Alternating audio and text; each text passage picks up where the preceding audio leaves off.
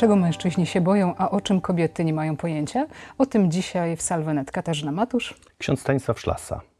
Najbardziej traumatyczny lęk dla mężczyzny to? Wydaje mi się, że lęk przed stratą. Lęk przed stratą wizerunku, lęk przed stratą em, em, siły, pozycji, e, lęk przed stratą em, relacji. Myślę, że lęki są mm, przed stratą jedną z takich e, najsilniejszych, jakby wycofujących e, mężczyzn sił. Co z ciebie za facet? Czasami mówi kobieta. Masz być dla mnie oparciem. Co to robi mężczyźnie?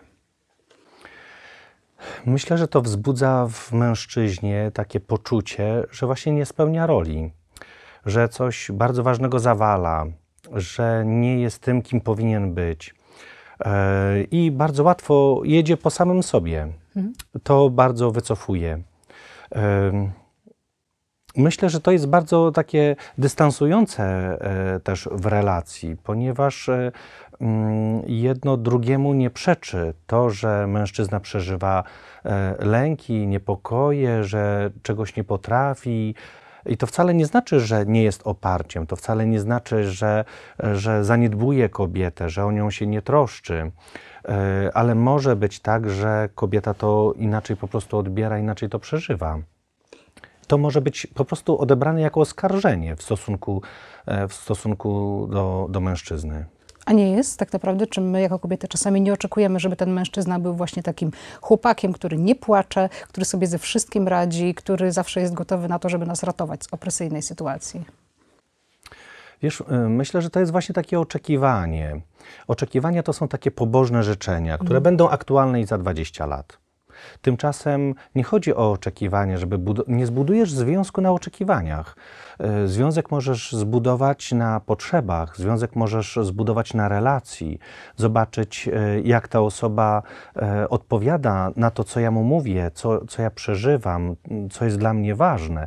Jeżeli będziesz budowała związek tylko na wyobrażeniu, jaki to ten chłopak nie powinien być, jaki to ten mężczyzna nie powinien być, no to wówczas e, cały czas będziesz przykładała jakąś, próbowała włożyć tego mężczyznę w jakąś formatkę, wiesz, żeby, żeby, żeby go dopasować, a jak on nie pasuje, no to wtedy wiesz, odrzucasz, wyrzucasz, jesteś ukrzywdzona, a on się nie nadaje. Co jest bardzo mm, często krzywdzące, bo tak nie jest. E, Prawdą, że on może nie spełniać Twoich oczekiwań, Twoich, e, em, twoich jakichś obrazów, e, natomiast pobożnych takich życzeń, nie? Ale może się okazać, że jest bardzo wrażliwym i bardzo wyczulonym na to, co ty mówisz, na twoje przeżywanie, jest chętnym do pomocy. Może nie będzie tak odpowiadał, jak ty chcesz, ale, ale będzie i będzie, e, będzie reagował, będzie, będzie działał, będzie starał się e, dać ci poczucie bezpieczeństwa i, i będzie odpowiadał na to, e, o czym ty mówisz. W książce mówisz o tym, że trzeba się zgodzić na cierpienie, żeby być szczęśliwym. Co to znaczy? Wiesz, bo w ogóle w życiu uważam, że są dwie, dwa takie elementy, które bardzo nam towarzyszą. One są bardzo niewygodne i od nich bardzo często uciekamy. To jest e, e, strata i cierpienie. Uważam, że nie ma życia bez cierpienia. E, Istnieje, istnieje mm, życie, istnieje miłość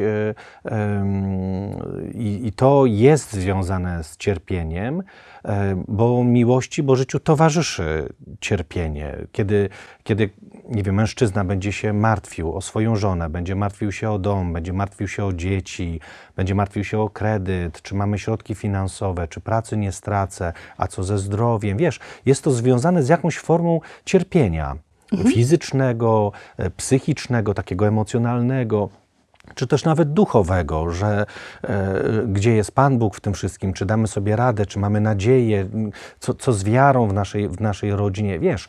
I to jest swego rodzaju e, cierpienie. I jeżeli ktoś nie ma zgody na to, żeby cierpieć w życiu, to od tego będzie uciekał. Będzie udawał, że nie ma cierpienia, będzie starał się to cierpienie czymś. E, e, czymś przykryć, czymś załatać. Pójdzie w alkohol, pójdzie w pracoholizm, pójdzie e, w jedzenie, albo, albo pójdzie w nadmierne dbanie o, e, o swój czas, o, będzie chodził nadmiernie na siłownię, będzie, będzie wychodził z domu z kolegami, grał w piłkę. Wiesz, będzie uciekał od tego, co jest źródłem jego cierpienia. A więc relacja, e, relacja z żoną, dzieci, praca, jakieś, e, podjęcie jakichś e, decyzji, obowiązki. Cierpienie w życiu jest, nie można od, od niego uciec. Ale w cierpieniu też możemy mieć korzyści. Brzmi to dość przewrotnie, ale jednak jakie? Wiesz, e, e,